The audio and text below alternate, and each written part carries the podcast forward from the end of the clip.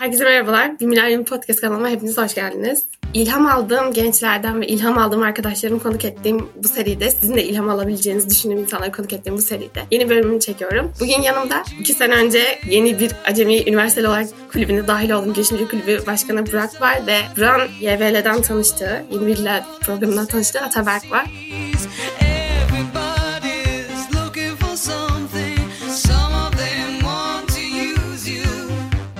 Selamlar nasılsınız?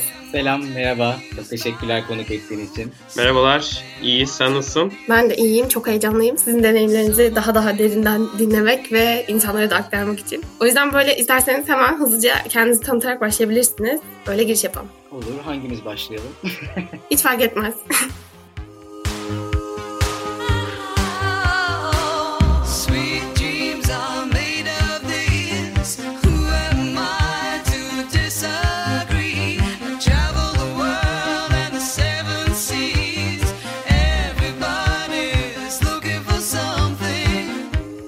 Tamamdır. Ben başlayayım. Ataberk Özcan. Avukatım. Yeni mezun oldum. 3 sene önce okurken yurt dışında Fransa'da e, uluslararası hukuk üzerine bir dernek kurduk. Biraz profesyonel hayatım e, acemi de olsa öyle başladı. Avrupa'da hukukun üstünlüğü ve demokratikleşme üzerine çalışmalar yaptık. 3 sene sonra şu an geldiği noktada Paris merkezli Avrupa Birliği tarafından fonlanan keyifli bir organizasyon, bir dernek olduk. Çok milletten arkadaşla beraber çalışıyoruz. Bunun yanı sıra bu sene Covid ile beraber evlere kapanınca biraz bize düşünme vakti kaldı. Ben de uzun süredir istediğim bir alan olan medyaya dair bir çalışma başlattım. Önce yurt dışında başladığımız bir çalışmaydı. Fizibilitesini yaptığımız. Fakat sonra Covid olunca Türkiye'ye devşirdiğimiz, buraya taşıdığımız bir fikir Bref Bülten. Bref de bir e-posta bülteni, bir sosyal girişim. Filtre balonlarını yıkmaya çalışıyor. Farklı gazete okurlarını, toplumun kopmuş kesimlerini tek bir noktada buluşturup onların farklı görüşlerini, karşıt görüşlerini tek bir bültende topluyor. Böylelikle farklı görüşleri güçlendirmek, argümanları güçlendirmeyi hedefliyor. Orada çok keyifli ilerliyor. Şu an 9. ayına girdi. Güzel desteklerimiz var. Çok keyifli 3 ekip arkadaşım var. Öyle ilerliyor. Benim serüvenim böyle. Burak'la da yeni bir liderde tanıştık. İkimiz de oranın fellow'uyuz. Burak da benim çok çok sevdiğim bir dostum. O dedi Canan böyle bir podcast yapıyor gelmek ister misin? Seve seve dedim. Sen varsan daha çok seve seve dedim. Şimdi buradayım. Çok memnun oldum. Bakalım neler konuşacağız. Ben çok memnun oldum. Tekrardan hoş geldiniz. Burak seni dinleyelim bir de. Selamlar. Ben Cevdet Burak Balkaş. Yıldız Teknik Üniversitesi'nde inşaat mühendisliği okuyorum. 4 yıllık süremin aslında sonuna geldim ama bir yılda uzattım. Öncelerde aslında okulda kulüpçülükle senin de bahsettiğin gibi çok ilgilendim. Etkinlik koordinatörlüğü, kulüp başkanlığı, sonra denetleme kurulu başkanlığı olmak üzere. Sonrasında da aslında birçok Fellow programında ve aslında STK yapısında bulundum. En önemli gördüklerim de işte aslında yeni bir lider derneği ve bizim TOP tarafı. TOP İstanbul Genç Girişimciler Kurulu üyesiyim ve aynı zamanda TOP Girişimci Kulüpler Platformu Başkanlığı yapıyorum. Bir buçuk yıl oldu. Bu platformda İstanbul'daki 35 tane üniversitenin girişimcilik kulüplerini bir araya toplayan bir yapı. Şu anda burada da Young Gate Fellow programı adında bir program açtık ve 20 kişilik bir fellow programı seçtik. Burada da işte eğitimlerle aslında nitelikli gençlerin desteklenmesini sağlamaya çalışıyoruz. Bunun dışında benim de 2 ay oldu operasyonla başlayalı Trainipad adında bir girişimim var ve yeni yeni ekibi büyütmeye başladık. Şu anda 3 kişilik bir ekibiz. Öyle. Süper. Ben tam bu noktada şey soracaktım. Hani hangi okulda okudunuz, hangi okuldan mezunsunuz, hangi bölümde okuyorsunuz diye soracaktım. Burak zaten bunu yanıtlamış oldu. Atabak senden de bir alalım. Yani şey aslında avukatım dedin. Yani orada anlaşılıyor ama hangi okulda okudun? Doğru sanırım lisans bittiği için tamamen kafamdan atmaya çalışıyor olabilirim. İzmir Ekonomi Üniversitesi Hukuk Fakültesinden mezunum. Bu yaz mezun oldum. İzmirliyim. Buradayım. Böyle. O zaman şey sorayım. Yani böyle benim e, podcast'imi dinleyen kesin böyle 16 ile 24 yaş arası ve bu gençler böyle üniversiteye yeni başlıyor olabiliyorlar. O yüzden böyle üniversite seçim aşamasında dikkat ettiğiniz metrikler nelerdi? Bölümü seçerken neler dikkat ettiniz? Ya da üniversitede umduğunuz, bulduğunuz mu? Üniversitenin imkanları nelerdi gibi gibi bunlardan da böyle kısaca bahsedebilirseniz süper olur. Şöyle aslında üniversite seçiminde nelere dikkat edilmesini tavsiye ediyorum kısmıyla başlayayım. Bir kere bence üniversitenin hangi şehirde olduğu çok önemli bir nokta. Çünkü şu anda belki uzaktan eğitim döneminde bunu hissetmiyor olabiliriz ama o şehirdeki diğer opsiyonlar, farklı eğitimler, programlar aslında çok daha sizi destekleyebiliyor. Bu yüzden bunu önemli buluyorum. Özellikle İstanbul, Ankara ve belki İzmir iyi seçimler olabiliyor ama onun dışında ben hani bölüm tercihini çok ön plana koymayı değil daha çok okul ve şehir tercihini ön plana koyuyorum. Belki biraz daha girişimcilikle yani çok daha esnek bir alanla alakalı ilgilendiğimden dolayı olabilir bu. Bunun dışında da ben kulüpçülük faaliyetleriyle kendimi çok geliştirdim. Çok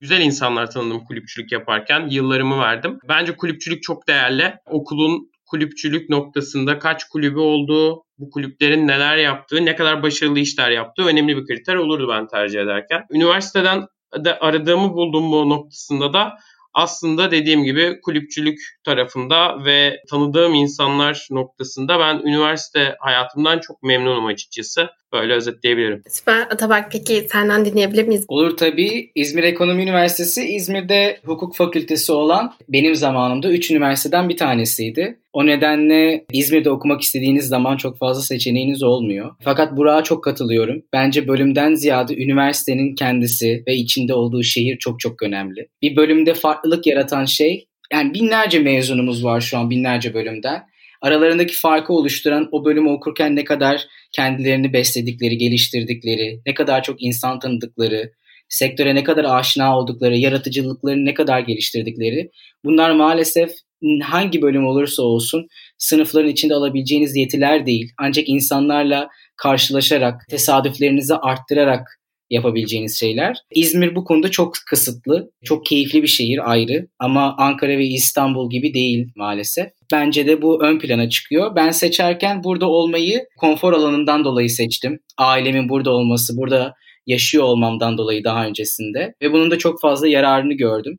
Bölümüm gereği çok fazla doğru hocayla, doğru eğitimlerle çalışmam gerekiyordu. Ekonomi Üniversitesi de bu konuda çok bana katkıda bulundu. Ama herhalde Ekonomi Üniversitesi olmasaydı doğrudan başka bir şehir tercih ederdim. Güzel. Yani şey, üniversite aslında ya da bölüm direkt sizin hayatınızı etkilemiyor. Yani mezun olduğunuzda illa bu mesleği yapmak zorunda değilsiniz. Şu an ikinizin de girişimleri var. Gerçi hani mesleğinizi icra ediyor musunuz? O konuda bilgim yok ama.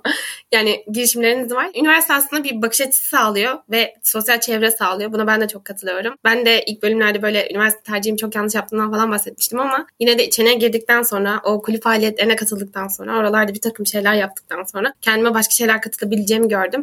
O yüzden ben Bence bu vurgunuz güzeldi. Tekrardan teşekkür ederim. Şeyden bahsettiniz yani kendi girişimleriniz var ve yeni bir lider gibi programlara katıldığınızdan falan bahsetmiştiniz. Bu noktada ben şeyi merak ediyorum. Girişimcilik sizin hayatınıza ne zaman girdi? Yani girişimcilikle nasıl tanıştınız? Ben mesela lisede çok fazla bilmiyordum bu konuları ama üniversiteye gittikten sonra hani böyle biraz biraz aşina olmaya başladım. Sizin bu serüveniniz nasıl başladı merak ediyorum. Şöyle aslında ben üniversitede hazırlığa başladığımda girişimcilik nedir araştırmaya başlamıştım. O dönemde işte okulumdaki girişimcilik kulübü de yeni kurulmuş olmuştu. Hemen üye olmuştum. Yani aslında üniversiteye başlamamla birlikte benim girişimcilik maceram da başladı. Hatta hazırlık yıllarında ben çok boşluğa düştüğümü hissettiğim bir dönem yaşamıştım. O sırada da hatta CEO Student adında bir içerik sitesi var. Bilenler bilir belki. Orada da kendim ilk startup deneyimine çalışan olarak yaşamıştım. Stajyer olarak desem daha doğru galiba. Güzel. Peki Ataberk senin hayatına nasıl girdi girişimcilik? Benim de lisede hiç bilgim olmayan bir konuydu. Üniversiteye girdiğimde kulüp çalışmalarıyla beraber başladı. Belki Burak'la bu yüzden de biraz benziyoruz. Onun tabii serüveni daha önce başlamış.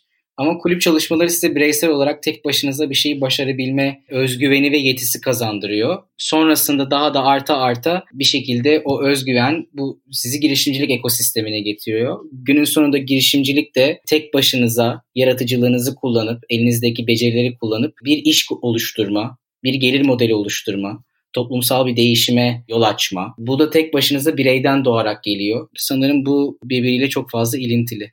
Evet katılıyorum ben de. Ya böyle girişimcilikle nasıl tanıştığınızdan biraz bahsettiniz. Ben de biliyorum yani sizin de söylediğiniz üzere hani yeni bir lider gibi programlara katılmışsınız. Öğrencilik hayatınız boyunca böyle katıldığınız girişimcilik programları ya da topluluklar gibi şeylerden de biraz bahsedebilir misiniz? Nasıl katıldınız buralara? Oraları merak ediyorum.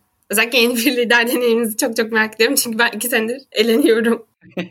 Bunu biraz Burak daha detaylandırabilir. O benden daha tecrübeli programlar konusunda. Okey. Ben birçok fellow programında bulundum aslında. İşte bunlar hangileri? Yeni bir liderin YBL 21 şu anda ismi değiştirilip 21 oldu. Daha sonrasında Case Campus Fellow, Endeavor ve Akbank'ın birlikte düzenlediği fellow programı. Headquarters'ın pioneer'larındandım. Blockchain üzerine Block Fellow diye bir fellow programı yapılmıştı. Bunun içindeydim. Şu an ismini unuttuğum ve katıldığım fellow programı varsa özür diliyorum ama var olabilir gerçekten.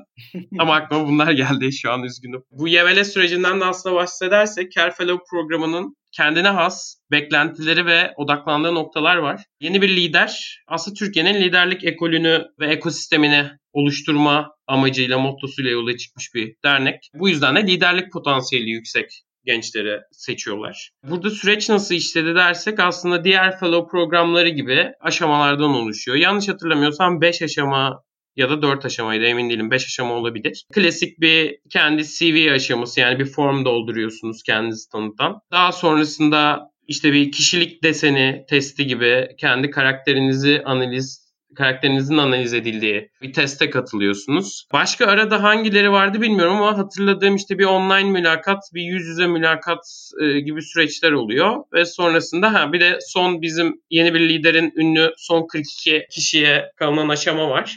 Son 40 kişiden o son aşamada 21'e düşüyorsunuz. Bizleri Özyeğin Üniversitesi'nde 42 kişiye işte grup çalışmaları yaptırarak bireysel etaplar da vardı. Bunların sonucunda 21 kişiyi seçmişlerdi.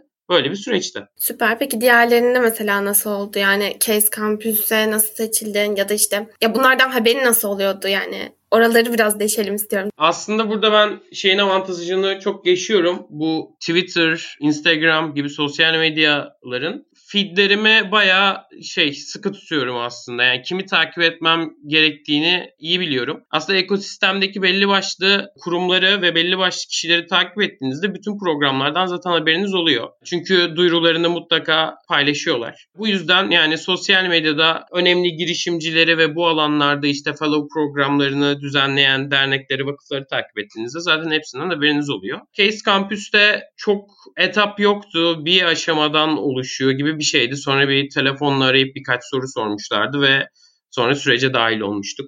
Headquarters'ta detaylı, çok detaylı bir form vardı. O formun sonunda case soruları da güzel girişimcilikle alakalı sormuşlardı. O formu tamamladıktan sonra orada da direkt içeriye girmiştik. Bu şekilde. Dediğin şey cümle çok kritik bence. Kimi takip etmem gerektiğini çok iyi biliyordum. Evet yani bu alanlarda bir şeyler yapmak istiyorsak aslında önemli olan bu alanlardaki influencerları bulup onları takip edebilmek. Burak biraz YBL'ye giriş sürecinden nasıl alındığından bahsetti. Ataberk sen de istersen içeride nasıl süreç ilerledi? Yani ne gibi eğitimler aldınız, kimlerle tanıştınız, size ne gibi faydaları oldu? Onlardan bahsedebilirsin. Tabii yeni bir liderin asıl amacı mentor eşleştirmesi. 21 gence sektördeki büyük firmaların, kendini Türkiye'de kanıtlamış firmaların liderlerinden CEO'larından, başlarındaki müdürlerden, yöneticilerden bir mentor havuzu oluşturuyor ve bu havuzdan siz 21 genci tek tek birilerine eşleştiriyor. Bu eşleştirme sonunda da karşılıklı iki liderin, bir genç liderin, bir de şu an kendini kanıtlamış profesyonelin iyi yöntemleri, liderlik ekosistemindeki tecrübeleri paylaşması amaçlanıyor. Bu tabii çok güzel. Başlı başına çok kıymetli. Bunun dışında liderlik üzerine eğitimler veriyor. Online eğitimler alıyorsunuz. Yüz yüze eğitimler alıyorsunuz. Biz seçildiğimiz anda 3 günlük bir kampa götürüldük Özyeğin Üniversitesi'nde ve birçok eğitmenden eğitimler aldık liderlik üzerine. Ekosistemi tanımama imkanımız oldu. Bunun dışında bence söylemeden asla geçilmeyecek en anahtar kısmı network. 21 kişi kabul ediliyor. Siz orada 20 genç tanıyorsunuz. Bu tabi sadece o da değil. Seçim aşamasında da çok fazla insan tanıyorsunuz. Beraber takipleşiyorsunuz. Tecrübelerinizi paylaşıyorsunuz. Dediğim gibi ilk başta da konuşmuştuk imkan yaratmak kendinize. Bu bir imkan yaratıyor size tesadüflerinizi de arttırıyor. Bu yüzden çok kıymetli. Belki bu noktada ben şunu da ekleyebilirim. Yeni bir lider Türkiye'deki tek liderlik üzerine, startup üzerine çalışan ekosistem değil. Her yere saldırmaktansa insanların kendilerine uygun programları bulmaları çok çok daha önemli. Ben yeni bir lidere çok nokta atışıyla başvurdum. Çok istiyordum burada yer almak ve başarılı da oldum. Ama bunun dışında sadece bir başka daha programa başvurdum. Girişimcilik Vakfı. Onda da mesela başarısız oldum bu sene. Bu bir tabii bir kıstas değil. Ama bence ne almanız gerektiğini bilmek, öğrenmek çok önemli. Her programdan alacağınız çok şey var ama özellikle hukuk öğrencisi gibi benim gibi alanı dar olan insanların daha nokta atışı yapması daha verimli olabiliyor. Süper. Ya bence çok çok kritik bir noktaya değindin. Programlara uygun olmak gerçekten bence de en önemli kıstas olabilir o programa katılmak için. Yani ilerleyen aşamalarda da soruyorlar ya hep yani atıyorum bu programa seçilmeyecek olsan neden olurdu bu diye soruyorlar. Yani bu aslında hiçbirimizin yetersiz olduğundan değil ya da hayallerimizin diğer gençlerden küçük olduğundan falan değil. Kesinlikle uygunluğuna çok katılıyorum. Çünkü her programın kendine göre bir ruhu var. Yeni bir lidere seçilmememin ben de bir sebebinin aslında henüz daha liderlik konusunda çok çok gelişmediğimi ve bu alanda kendimi besleyip belki de daha sonra başvurmam gerektiğini düşünüyorum. O yüzden beni seçmemelerine bir tık üzülsem de belki de şu an zaman değil diye düşünüyorum. Hazır böyle girişimcilikle nasıl tanıştığınızdan bahsettiniz. Girişimcilik ve liderliği kapsayan programların içerisinde olduğundan bahsettiniz. Ve başta da aslında kendi girişiminizi kurduğunuzdan bahsettiniz. Girişiminizde güzel faaliyetler yaptığınızdan bahsettiniz. Benim bu noktada merak ettiğim şey kendi girişiminizi kurma yolunda sizi tetikleyen faktör neydi? Ya aslında şöyle, zaten ben en başlardan beri hep kendi işini kurma noktasında düşünüyordum girişimcilik kavramıyla tanışmadan önce. Belki bu geldiğiniz ailenin yapısıyla alakalı bir şey olabilir. Benim babam esnaf. Bunun da belki etkisi vardır. Ama en temelde şu bence kendin anlamlı bulduğun bir işi yapmak insanı en çok mutlu eden şey olduğunu düşünüyorum. Bundan ne zaman hayatımda sapsam yani çok da anlamlı gelmeyen bir şeyleri yapmaya çalıştığımı görsem hep çok mutsuz oldum. Ama ne zaman böyle çok anlamlı olduğuna inandığım bir şeyin peşine düşsem de hep en büyük mutlulukları bu süreçlerde yaşadım. Girişimcilik de bana böyle hissettiriyor. Şu anda yapmaya çalıştığımız şey TrainingPad'de bana çok anlamlı geliyor ve çok heyecanlandırıyor. Bu yüzden de iki aydır gerçekten çok yoğun çalışmama rağmen çok da hayatımın en güzel, en tatminli geçirdiğim iki ayı bile olabilir belki. E, girişimciliğe beni iten şey bu tatmini yaşamak aslında belki de. Süper. Bunu açmışken sana şeyi de sormak istiyorum. Yani daha önce bahsettiğim ve önceki kısımlarda hatırlayamadım ama TrainingPad'den biraz bahsedebilirsen içeriğinden bence süper olur. Hani dinleyenler de belki merak ederler, dahil olmak isterler destek vermek isterler. Bahsetmemiştim aslında çok erken aşamadayız şu anda. Bir ürünümüz yok. Sadece bir landing page'imiz var. Bütün sosyal medyadan TrainingPad yazarak bulabilirler. TrainingPad ne yapar? Şöyle ki aslında liseliler meslek seçimi yaparken hep başkalarından duydukları, başkalarının deneyimlerinden süzülmüş bir şeyi dinleyerek tercih yapıyorlar ama biz bunun çok mantıklı olduğunu düşünmüyoruz. Çünkü herkesin deneyimi, karakteri, istekleri kendine özel. Bu yüzden de aslında doğru mesleği daha doğru bir tercih yapmanın tek yolu sizin o mesleğin içeriğiyle haşır neşir olup bu süreçten keyif alıyor musunuz bunu görmeniz. TrainingPad de sizin hayal ettiğiniz bölümlere 30 günlük süreçlerle dahil olmanızı sağlayan sanal bir staj deneyimi yaşatan bir uygulama. Her gün 10 ila 15 dakikanızı ayırarak o bölümün bütün içeriği hakkında bilgi sahibi olmanızı, o bölümle alakalı sektöre çıktığınızda karşılaşacağınız case'lerin liselilerin çözebileceği kadar basitleştirilmiş versiyonlarıyla karşılaştıkları, sektörden bir kişinin bir gününün nasıl geçtiğine şahit oldukları bir 30 günlük bir süreç yarattık aslında. Bu 30 günlük süreçteki deneyimler sonunda da size o bölüme ne kadar uygun olup olmadığınız konusunda aslında bir rapor sunmasını istiyoruz bu uygulamanın. E, bu şekilde. Bence çok güzel bir uygulama. Yani çok güzel de bir problem bulmuşsun ve onun üzerine çözüm geliştirmişsin. Çünkü yani hep kendimden örnek vereceğim ama ben gerçekten böyle lise sona kadar hep şey tıp kazanacağım falan diye düşünüyordum. Sonra bir baktım o kadar zeki değilmişim meğerse. Ve sonucum geldikten sonra hangi bölümü isteyebileceğimi çok da idrak edemeden seçim yapmıştım. Büyük ihtimalle bana böyle bir şey verilseydi ben kesinlikle biyomedikal mühendisliği seçmezdim. Çünkü çok elektrik yüklü bir bölüm. Yani benim de hiç bu alanda bir yetkinliğim yok. Umarım gelecek gençlere yani üniversiteye gelecek gençlere uygulama sayesinde böyle faydalar sağlarsın. O zaman Ataberk sana geçelim. Sen nasıl kurmaya başladın? Yani seni tetikleyen faktör neydi girişimini kurmanda? Olur tabii ama belki izin verirsen bir cümle Burak için bir şey söylemek istiyorum. Burak'ın girişimi hakikaten çok kıymetli. Çünkü ben de bölüm seçerken çok zorlanmış tam da belki kendi istediğime uygun olup olmadığını hala sorguladığım bir bölüm. Sen bireysel olarak kendin aynı şeyi söylüyorsun.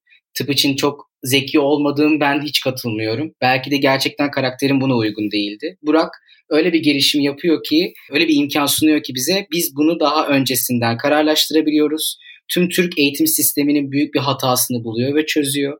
O yüzden bence çok kıymetli. Umarım da yolu açık olur. Yani Burak olduğu için değil, hakikaten fikre çok heyecanlandığım için söylüyorum. Burak'ın yapması da ayrıcalıklı tabii ki çok farklı.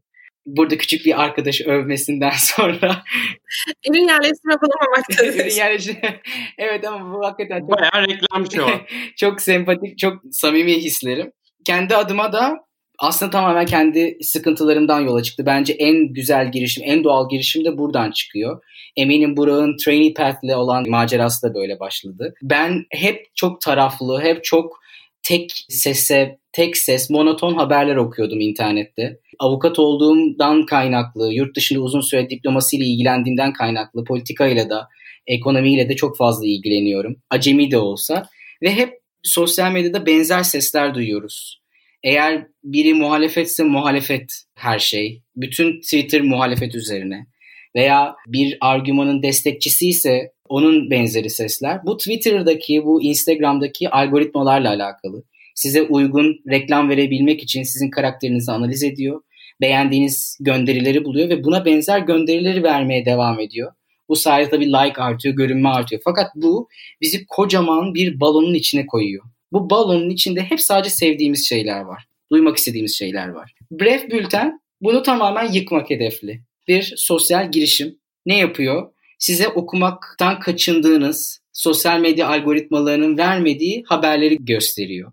Bunları bir şekilde bir bültende topluyor ve size sunuyor. Bu sayede hiç duymadığınız sesleri duymaya başlıyorsunuz. Argüman üretirken, bir fikir beyan ederken bunu çok daha güçlü yapıyorsunuz. Çünkü bunun karşıt argümanını öğrenmiş oluyorsunuz. Ona uygun çözümler geliştiriyorsunuz. Aslında demokratik süreçlere çok yatkın bir girişim. Çünkü çok sesli olursak ancak bir arada var olabiliyoruz. Tamamen bunu destekliyor. Örneğin çok yakın bir politikte olmayan süreç Taksim Meydanı için bir proje seçimi yapıldı. Taksim'e yapılacak en uygun projeyi halka sunuldu. Halk bunu seçebilmek için öncelikle çok iyi analiz yeteneği olması gerekir, bölgeyi anlaması gerekir, ihtiyaçlarını bilmesi gerekir. Ayrıca diğer projeleri nereden duyacak? Bref bu noktada tek bir bültende bütün projelerin iyi ve kötü yanlarını topladı. Bunlar için üretilmiş iyi ve kötü argümanları topladı. Ve bunu tamamen abonelerine sundu. Bu yüzden benim çok okuyarak bile öğrendiğim, yaparak öğrenmemi geliştirdiğim çok keyifli bir girişim. Bref Bülten adı altında herkes erişebilir şu an halihazırda yürürlükte. Süper. Peki kaç kişilik bir ekipsiniz? Yani böyle çok yoğun bir içerik çalışması aslında gerekiyor arka planda. O yüzden Hı. kaç kişisiniz, kaç kişi yürütüyorsunuz merak ettim. Aslında dört kişiyiz. Çok ağır bir yükü şöyle tabii dört kişi çok adam, adanmış bir şekilde çalışıyoruz bu girişim üzerine. Bültenlerimiz maksimum 10 dakika okumalık bültenler. Bunda bu sağ, bu ilgi süresini tutmaya çalışıyoruz ki bu bilgiler hap olarak alınsın, tüketilsin diye. Daha çok üzerine okuma yapmak isteyenlere de orada linkler bırakıyoruz. Daha detaylı araştırmak isteyenlere. O yüzden sabah işe giderken, akşam eve dönerken dilediğiniz zaman okuyabileceğiniz hap bilgiler bunlar. Dört kişi de araştırmalarımızı yapıyoruz. Belli metodolojilerimiz var, etik kodlarımız var. Buradan filtreliyoruz haberleri. Ondan sonra bültene yerleştiriyoruz ve okuyucuya sunuyoruz. Harika bir iş yapıyorsunuz bence ve şey çok kıymetli. Yani farklı bakış açılarını insanlara gösterebiliyor, sunabiliyor olmak. Çünkü gerçekten dediğin gibi algoritmalar o kadar akıllı ki sadece beğendiğimiz şeyler üzerine o kadar çok bize bilgi yüklemesi yapıyor ki ben bazen şeyi çok hissediyorum yani ya o kadar aynı ki çevrem başka şeyleri keşfedemiyorum. Yani mesela Instagram'da bir sürü hesap var. Yani sanatla ilgili olsun, kültürle ilgili olsun. Benim aslında bunlara da ilgim var ama yani günlük gün içerisinde bakabildiğim kısımda o kadar çok aynı şeyleri beğeniyorum ki atıyorum. Onlar karşıma çıkmıyor ve o insanlarla tanışamıyorum. O insanlarla kesişemiyorum. O yüzden bence yaptığınız iş çok çok kıymetli. Bu arada sıklığını sorabilir miyim? Ne sıklıkta çıkıyorsunuz? Haftada 3 bülten çıkartıyoruz. Pazartesi ve perşembe günleri gündem bültenimiz var gündeme ait bir konuyu ele alıyoruz. Cumartesi günleri de hafıza bültenimiz var. Türkiye'nin tarihinden, yakın tarihinden bir konuyu, bugüne ilintili olan bir konuyu hafıza olarak çıkartıp o günün argümanlarıyla, o günden bugüne neler konuşulmuş bunları derliyoruz. Bu da belki genç jenerasyon için çok kıymetli. Çünkü o tarihi yaşamamışlar, görmüşler, o problemleri bilmiyorlar. Ama bugünkü problemleri çözmek için onları da bilmeleri gerekiyor. O konu arasında bir ilgi bağı kurması gerekiyor. Bunun için de yardımcı oluyor hafıza bülteni. Haftada 3. Bence süper ya. Yani ben kendim de böyle girişimciye dönüş tarafında bülten hazırladığım için biliyorum. Hani ben orada tek başıma yapıyorum ve daha kısa bir şey yapıyorum. Ama yine de orada bir şeyler seçebiliyor olmak ve insanların ilgisini seçebilecek içerikleri derlemek, onları e, onlara özel bir şekilde o dille iletmek bence çok çok kıymetli. O yüzden kesinlikle bültenize hem hem ben kaydoluyorum. yani şu ana kadar kaydolmadığım için de utanıyorum. Bunu da söyleyeyim burada. Estağfurullah seve seve. Ben aslında bunu size sormamışım. Yani sordu, gönderdiğim sette yokmuş ama aslında ben merak ediyorum. Şu zamana kadar evet kendi girişinizi kurmuşsunuz. Belli bir aşama almışsınız. Bir şeyler yapmışsınız. işte topluluklara katılmışsınız falan ama bunun yanında iş ve staj deneyimleriniz nasıl oldu? Neler gördünüz? Neler deneyimlediniz? Kurumsal, startup gibi gibi yerlerde neler yaptınız? Onları da biraz biraz merak ediyorum. Onlardan da ufak ufak bahsedebilirsiniz. Süper olur. Tamamdır. Ben başlayayım o zaman. İnşaat mühendisliği tarafında iki tane staj yaptım. Biri dünyanın en büyük havalimanı olan İstanbul Havalimanı'nda bir staj yaptım. Onun dışında Kuveyt Havalimanı'nda bir staj yaptım. O da bir Türk şirketinin yalnız başına yurt dışında aldığı en büyük ihaleydi. 4.3 milyar dolarlık bir ihaleydi. O anlamda şanslı hissediyorum kendimi kesinlikle. İnşaat anlamında belki bölüme kendini çok veren bir öğrenci olmamama rağmen stajlarımı iyi yerlerde yaptım. Bunun dışında startuplarda yani benim için özel olan CEO Talent ilk deneyimim olduğu için çok özeldir yeri. Bunların dışında aklıma Viral Link geliyor. Viral Link'te güzel bir deneyim yaşadım. Influencer marketing üzerine bir girişimde. Burada influencerlarla iletişime geçip onlarla süreçleri takip etmem gerekiyordu. Bu şekilde. Güzel farklı farklı alanlarda birçok deneyimin olmuş. Otopark sen neler yaptın bugüne kadar? Ben de tabii çok doğal ki iki tane hukuk bürosunda staj yaptım. Ondan sonra hukukun bu klasik ofis hayatının bana göre olmadığına karar verdim. Yurt dışında Avrupa Parlamentosu'nda ve bir dış temsilcilikte staj yaptım. Onlar daha güzel, keyifli geçtiler. Diploması ile, hukukun kamusal alanıyla, anayasa hukukunun önemiyle burada tanıştım. Ondan sonra derneği kurduk zaten. Sanırım biraz daha profesyonel hayatla başlamam öyle oldu. Harika. Ya ikiniz de deneyimleri o kadar über ki dünyanın en büyük havalimanının yapımındaydım. Staj yaptım. Biriniz diyor ki yurt dışında şunları şunları yaptım.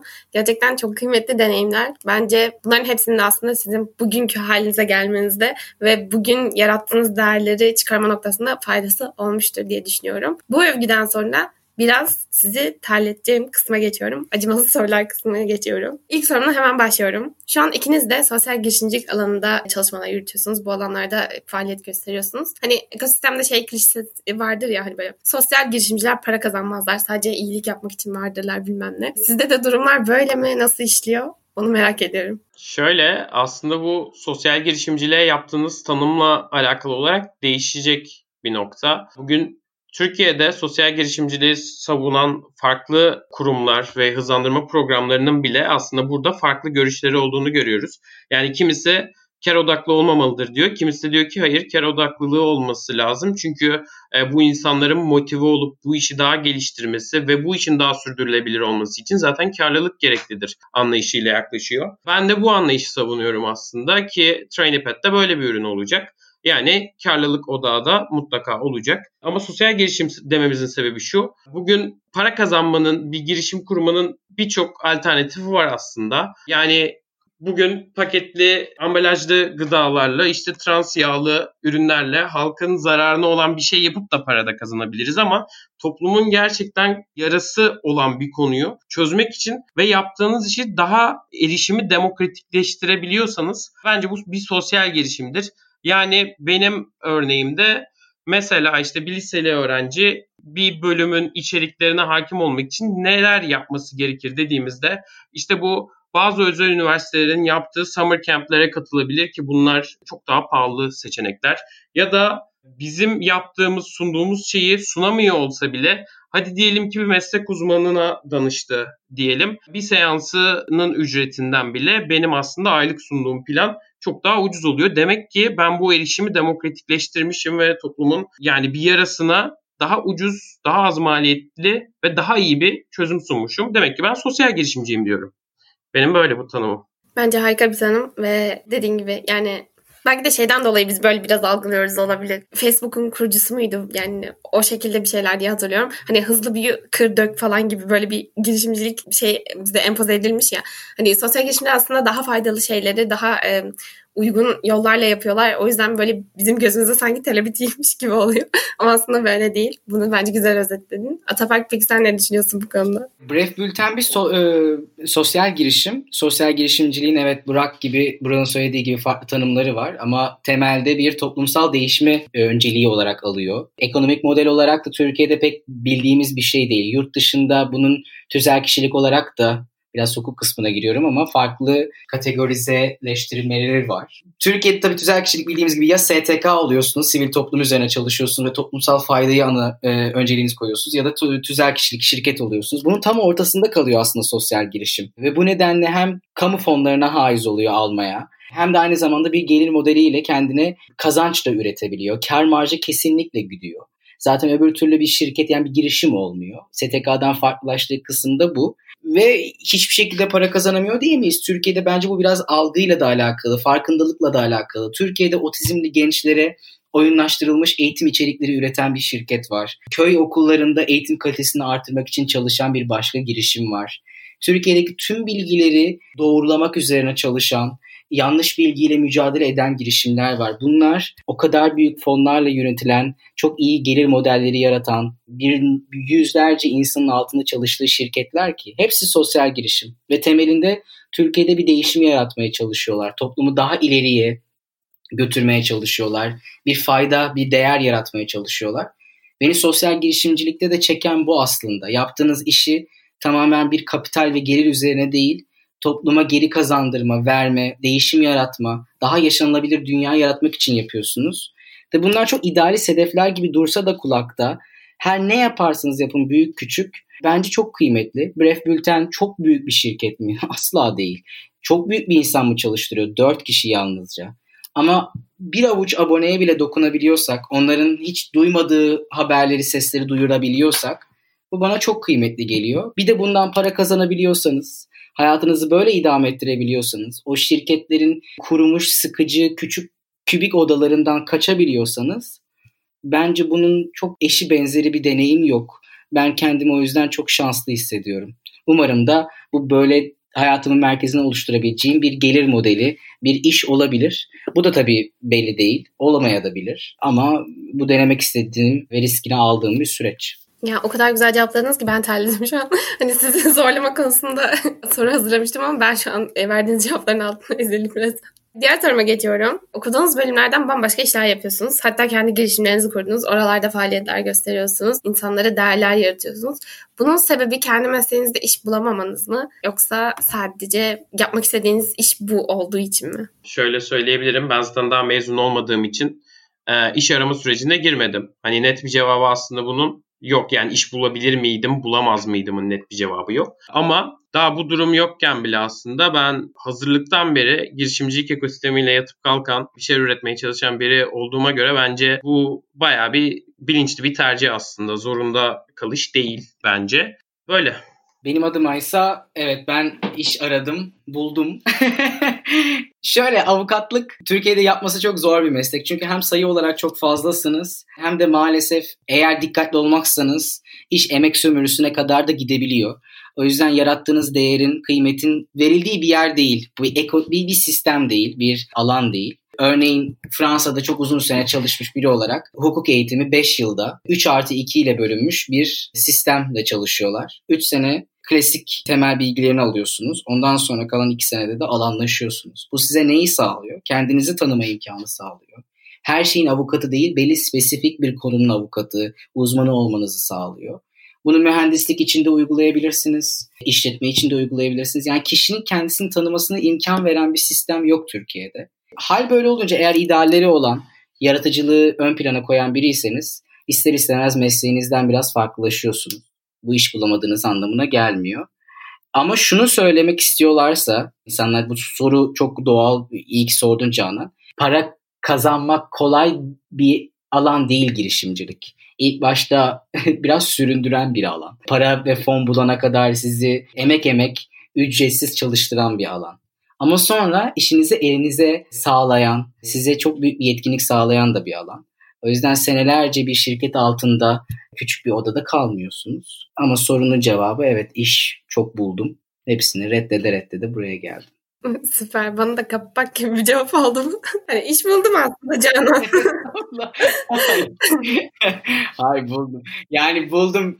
Çok da güzellerdi. Gidebilirdim. Giden insana da yargılamıyorum. Ama bu alan bana kendimi gerçekleştirme imkanı veriyor. Bence anahtar kelime bu. Ona hiçbir şey değişmiyor. Evet ya bence de çok kritik. Yani ben de mezun olunca ne yapacağım henüz bilmiyorum. Daha hani yolun ortalarındayım belki de bilmiyorum ama dediğin çok kıymetli. Yani ne yapmak istediğini bulman bu alanda bir şeyler yapman çok çok kıymetli. Bu arada ben başta sordum mu hatırlayamadım ama tekrardan sana sormak istiyorum. Yani hukuk seçmendeki sebep neydi? Bilmiyorum hani küçüklükten beri hayalini kurduğum bir şey miydi? Ben toplumsal değişimle yani politika ile siyasetle çok fazla ilgileniyordum küçüklüğümden beri. Haliyle Türkiye'de bir altın bilezik furyasına ben de düştüm. Herkes gibi. Ailem de bunu çok fazla söyledi ama bence yanılmıyorlardı. Ben mesela burada farklı cevap verebilirim. Ben öğrencilik yıllarımda çok ekonomik olarak zor duruma düştüğümde avukatlığın avantajlarını çok kullandım. Kendime yetiler edindirip buradan para kazandım. Düşünüyorum siyaset bilimi okusaydım bunu yapabilir miydim?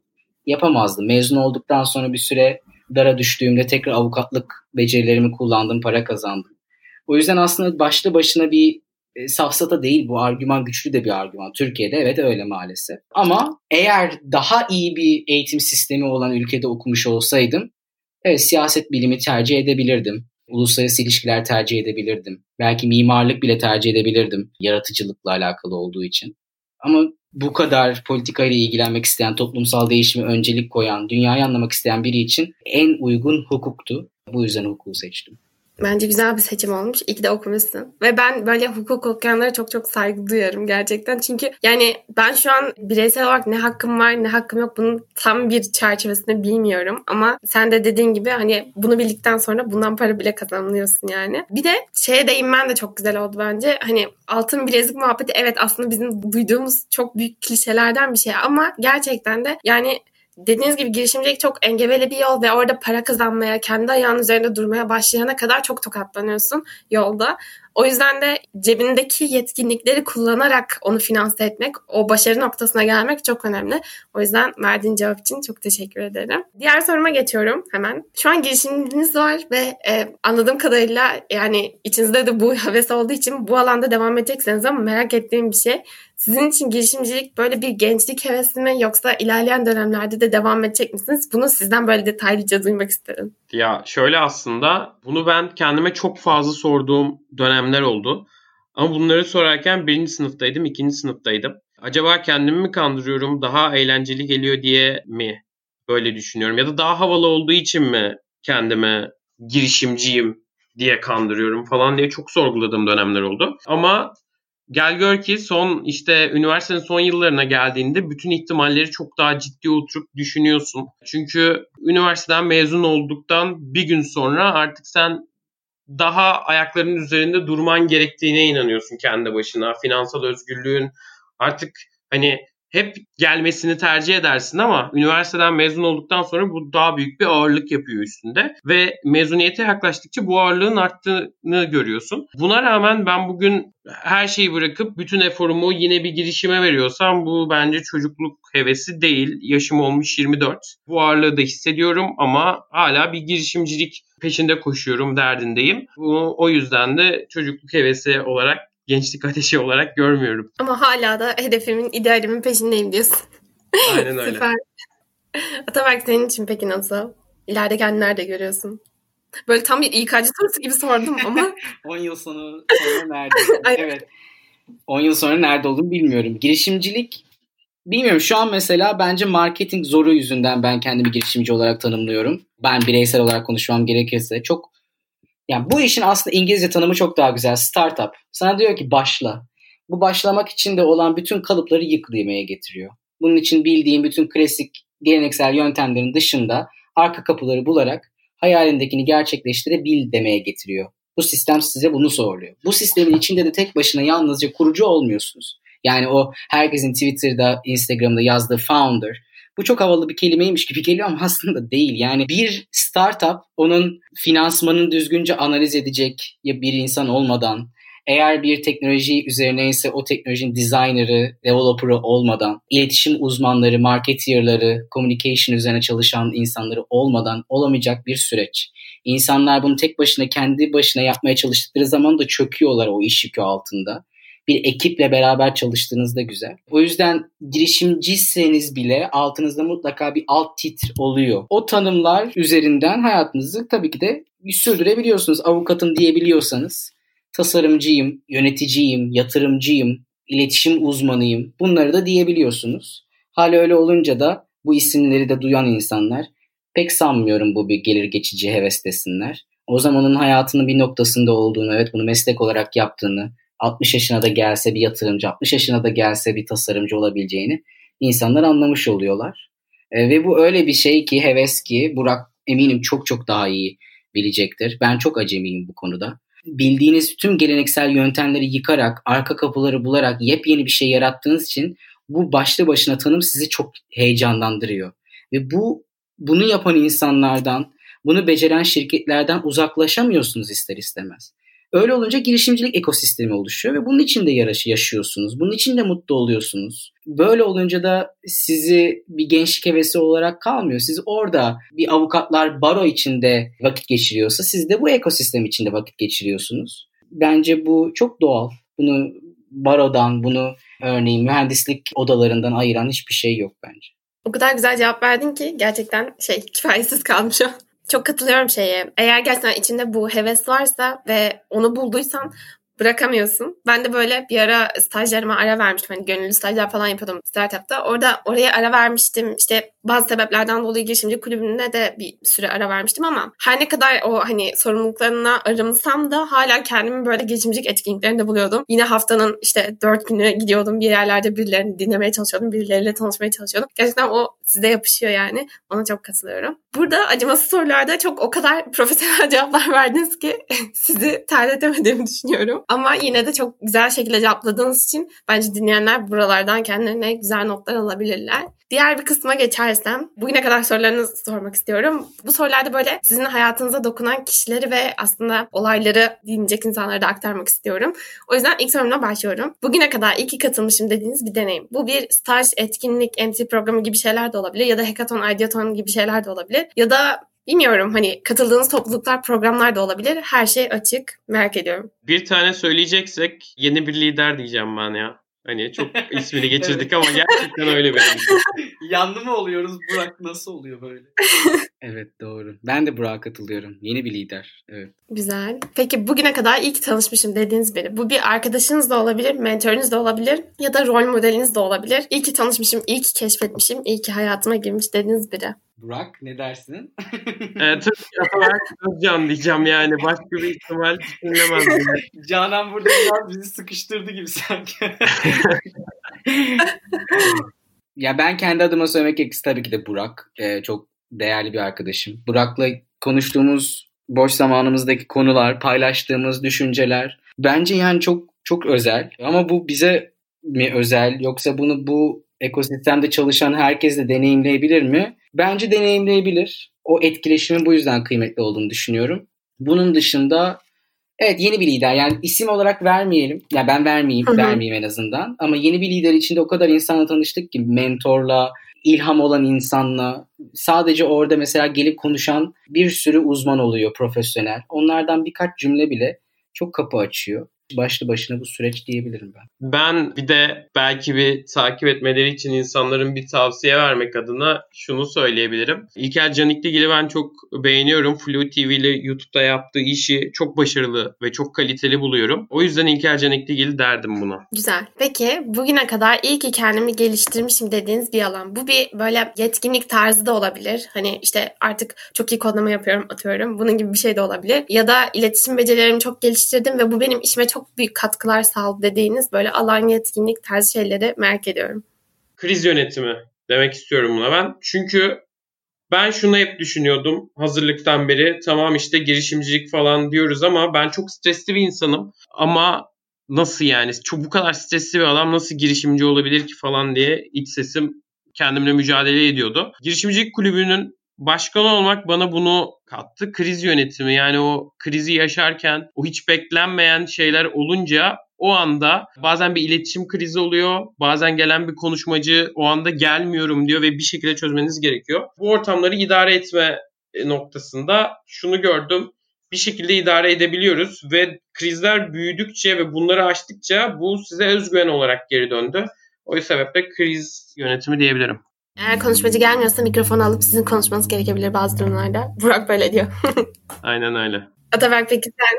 Diplomasi bence ama bu böyle bir kurs olarak şeyden Coursera'dan alabileceğiniz bir şey değil. Bu biraz yaşayarak öğrenebileceğiniz bir şeymiş gibi geliyor.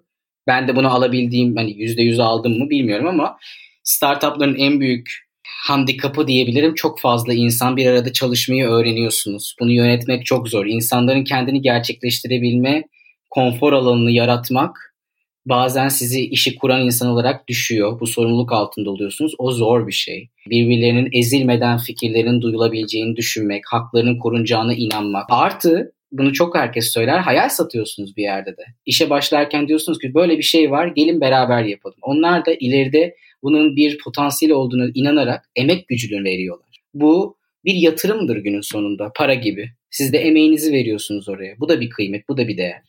Bunu verecek insanı ikna etmek, onun beklentilerini boşa çıkarmamak, bunu yaparken onu sömürmemek, iyi yönetmek, insan yönetimi, diplomasi benim en büyük söyleyebileceğim bir şey. Bence harika bir özellik. Yani gerçekten de çünkü iletişim her yerde çok önemli. O, o iletişimi doğru kanallara doğru şekilde sunmak ve dediğin gibi insanları kendi hayallerine de ortak olabilecek şekilde bunu karşı tarafa aktarabilmek çok kıymetli. Bence güzel özellikler. Eminim bunlar girişimlerinizde de size artı artı artı bonus olarak geliyordur. Böyle biraz enerjimizi yükseltecek bir kısma geliyorum. Hızlı sorularda hızlıca cevaplar almak istiyorum. İkiniz de hemen cevaplayabilirsiniz hanginiz cevaplamak istiyorsanız. İlk soruna başlıyorum. Spotify mi Netflix mi? Spotify. Spotify. Çünkü müzik ruhun gıdasıdır. Instagram mı Twitter mı? Twitter, Twitter'ın köpeğiyim. Instagram.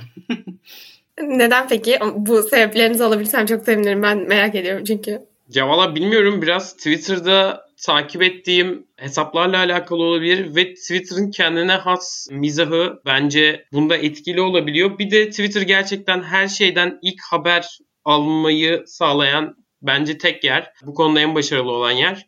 Bir yerde en ufak bir şey olduğunda ilk Twitter'da bu gündeme geliyor. Belki o haberi ilk alma aşkıyla belki de bir bağımlılık yaratmıştır bende. Benim görsel ürüne olan ilgimden. Yani görsel içerikleri çok daha çok seviyorum. Çok daha hızlı tüketiyorum bu yüzden. Değil mi? Ya ben de yani Burak'a katılıyorum aslında Twitter gerçekten insanların fikirlerini özgürce ifade ettiği ve belki de hızlıca haberleri alabildiğiniz bir mekan ama onu kullanabilene diyebilirim. Çünkü ben uzun bir süredir Twitter kullanmıyordum. Şimdi yeniden açtım böyle aktif bir şekilde kullanmaya başladım falan ama yani ilk baktığım yer orası olmadığı için alışık olmadığım için belki de oradan almıyorum bazı haberleri. Ben de daha çok bir Instagram'ım diyebilirim. Hatta yani günümün böyle belli saatleri var ayırdığım. Cidden profesyonel bir şekilde stalk ve hani zaman ayırıyorum Instagram'a. Peki sabah çalışmak mı, akşam çalışmak mı? Akşam benim için. Benim için sabah daha verimli oluyor ama dönem dönem akşama kayıyor. Ama genelde sabah daha verimli. Değil mi ya? Bir de hani şu an pandemiden dolayı böyle sabahlarımız, akşamlarımız birbirine bağlandığı için gerçekten sabah mı çalışıyorum, akşam mı çalışıyorum farkında da bile değilim.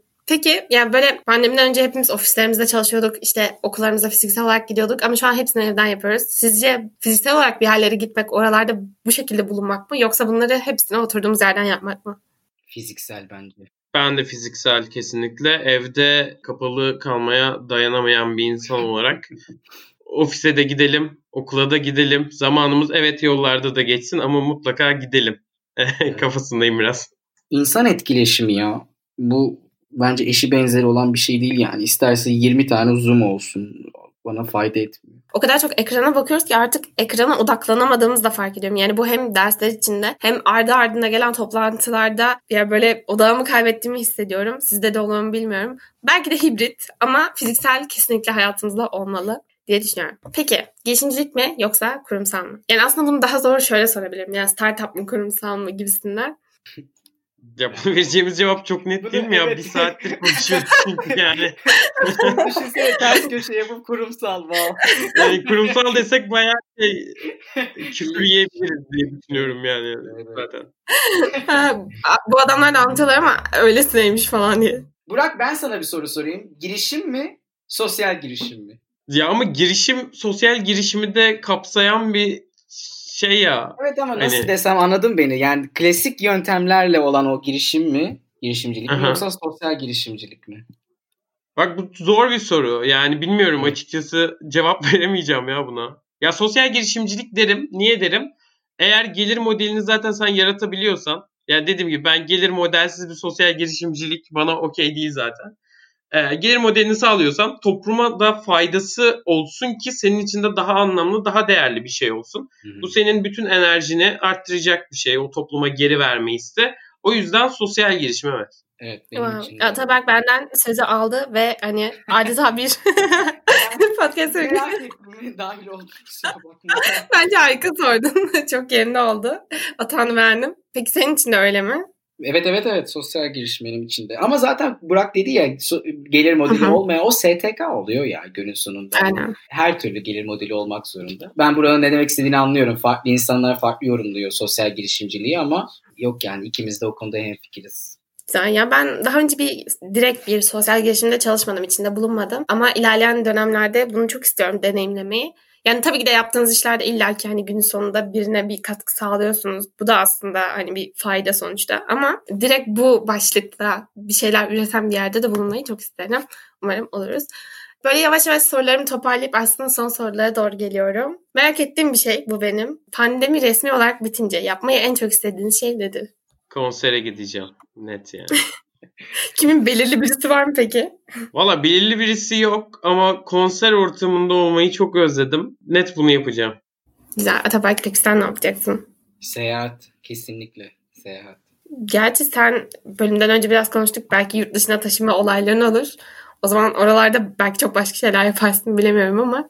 Evet ama gene de aynı tadı vermiyor bence Canan. Yani insanların yüzünde bembeyaz bir şeyle birbirlerinden bir buçuk metre uzaklıkta olması o bana benim hiç alışamayacağım bir şey. Seyahat o eski anlamıyla çantanı alıp sırtına gideceğinse onu çok özledim. Ya kesinlikle katılıyorum. Bir de ben hala daha bu maskelere alışamadım. Çünkü dediğim gibi böyle esas karantina döneminde böyle bir 5-6 ay öncesinde konuşuyorum. 20 yaş engeline takıldığım için 4 ay boyunca falan evdeydim. Sadece cuma günleri iznim oluyordu. İşte belirli saatler çıkıyordum bilmem ne. Şu an hala ya onu sürdürmeye devam ediyorum. İşte tüm derslerim ve işlerim online olduğu için. O yüzden böyle hala dışarı çıktığımda maskeli insanlarla bir arada olmak ya da insanlara uzak dura- durmak zorunda olmak beni gerçekten üzen şeylerden. O yüzden çok katılıyorum. Peki keşke ben kursaydım dediğiniz bir girişim. Ya ben bunu bir saat anlatabilirim net yani. Hani şimdi başlasam kayıt iki saati görür. Benim aslında en çok o zaman e, herkesin de bildiği girişimlerden iki tane örnek vereyim. Birincisi Meditopya daha kurulmamıştı ya da benim haberim yoktu o zamanlar bilmiyorum. Calm İngilizce olarak aslında bugün Meditopya'nın yaptığı şeyi yapan bu işin atası diyebileceğimiz startup'ta Calm'u keşfettikten sonra mutlaka bunun Türkçesi de olmalı diye görmüştüm aslında. Ama sonuç olarak görmek yetmiyor. Bir şeyler yapmak lazım. Meditopya iyi ki yapmış. Kullan, severek kullandığım bir uygulama. Ve bunun dışında Storytel Türkiye'ye girmeden önce Türkiye'de Seslenen Kitap diye sadece bir web girişimi vardı.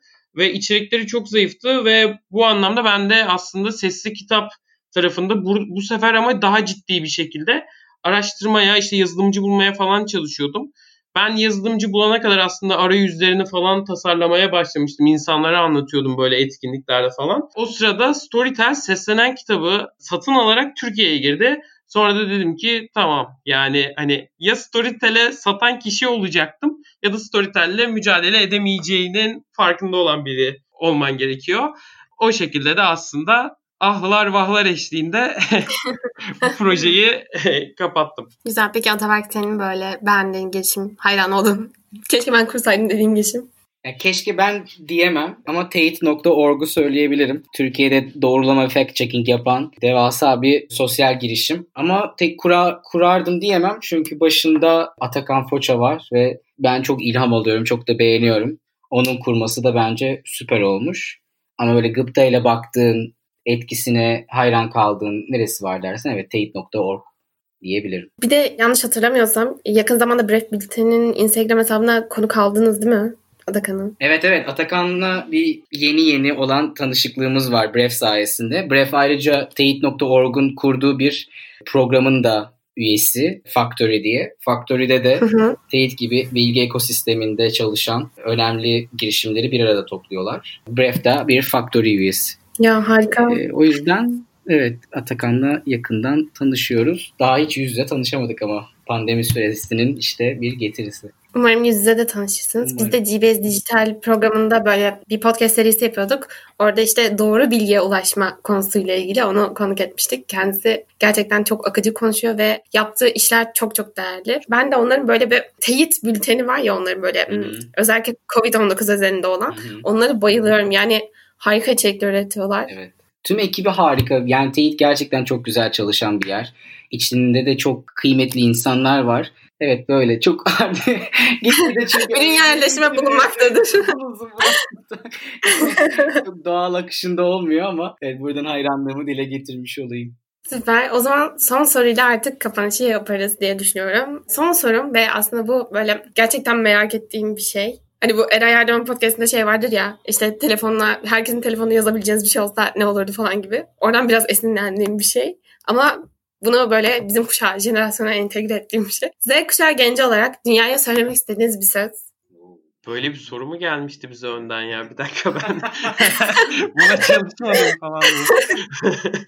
Tabii buyur o zaman önden seni alalım. Olur. Brené Brown diye bir kadını bir sürede takip ediyorum. Bir hikaye anlatıcısı ve sosyal bilimci. TEDx'te de uzun bir süre en çok izlenen konuşma onunkisiydi. Savunmasızlık üzerine çok çalışan biri insanların duvarlarını yıkıp savunmasız olarak ekspoze olmasıyla alakalı. Bu çok cesur bir şey. Bir girişimcinin de bence en büyük anahtarı cesaret ve savunmasızlık. Sizi böyle yalın ayakla şeyde bırakıyor. Sistemin ortasında bırakıyor. Ve gencecik yaşta yapıyorsunuz genellikle bunu. Ama eğer bunu becerebilirseniz, kendinize güvenirseniz, cesur olursanız, elinize kılıç alıp sokaklara çıkmak değil ama bu sisteme karşı donanıp kendinizi böyle öz sevginizle beraber. Bence bu olur. O yüzden cesaret. Yani Brené Brown'un adıyla cesaret. Çok güzel bir şey oldu. Ben de kesinlikle izleyeceğim. İzlemedim henüz ama duydum adını daha önce. Güzel bir anekdot oldu benim için de. Burak sen söylüyordun. Şimdi Burak'a bakalım. Hadi bakalım. Burak sen ne diyeceksin? Şöyle ben e, bu pandemi dönemine girdiğimizde aslında şöyle bir şey fark ettim. Ben pandemi dönemine girmeden önce aynı anda iki tane startupta çalışıp TOP'daki sürecin Teki işte başkanlığım devam ediyordu ve 8 tane ders almıştım ve bir yandan bitirme tezimi yazıyordum. Ve tam böyle bir cehennem gibi bir dönem yaşarken pandemi girdi ve sonrasında şunu fark ettim.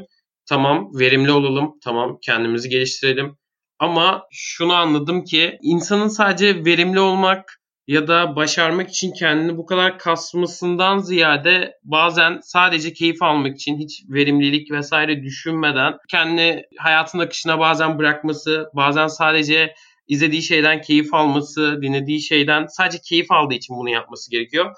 O yüzden herkesin başarı, başarı, başarı diye koşturduğu bir çağda, herkesin bir şeylere acele ettiği bir çağda Bence aslında kendimize vakit ayırmayı, kendimizi sadece sevmeyi ve kendimizden aslında bazen sadece tek beklentimizin keyifle yaşamak olması gerektiğini söylemek istedim. Çok güzeldi bu. hani çok dokunaklı. Yani evet. vuruş son ben o zaman bu kadar sorularım benim. Teşekkür ederim geldiğiniz için, vakit ayırdığınız için, harika deneyimlerinizi paylaştığınız için teker teker.